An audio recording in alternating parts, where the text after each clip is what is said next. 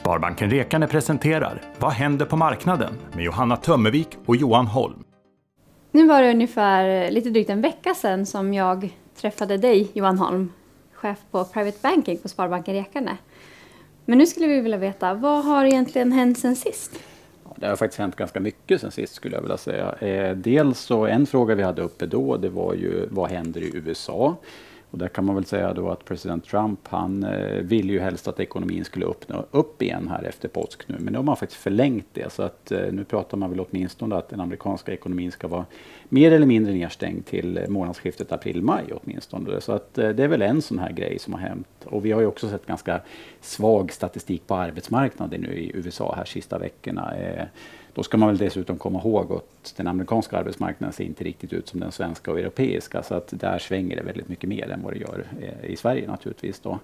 Ehm, vi har ju också sett en, en börs som kanske är, jag ska inte säga stabil, utan den rör sig fortfarande väldigt mycket upp och ner från dag till annan. Men det är lätt att missa att det faktiskt varit ganska bra här sista två veckorna. Tittar man på årsbasis så är vi ner ungefär 20 procent, men sista två veckorna så är vi upp ungefär en eh, 14-15 procent. Så att det ser faktiskt lite bättre ut. Då.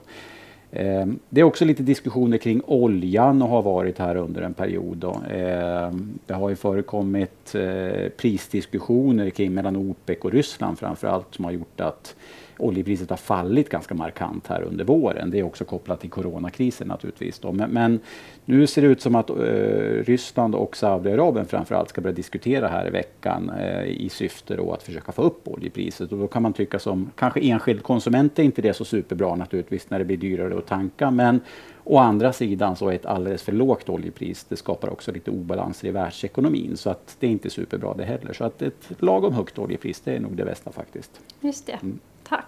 Hur agerar de stora aktörerna på marknaden? Ja, det är lite olika, men man kan väl säga så här att man brukar prata om insiders, det vill säga de som, som äger och driver stora företag, oftast börsnoterade bolag. De har ju faktiskt köpt ganska mycket aktier på, på svenska marknaden här sista veckorna. Så att det är ju faktiskt en liten positiv signal. Då. Eh, Eh, dessutom om vi tittar centralbanker så är det ju så att där sjösätter man ganska stora stimulanspaket och har gjort de senaste veckorna eller månaden. Eh, och det här ger ju också lite stöd i marknaden naturligtvis. Det kommer in nya pengar hela tiden. Så att, eh, det är ju positivt också för marknaden.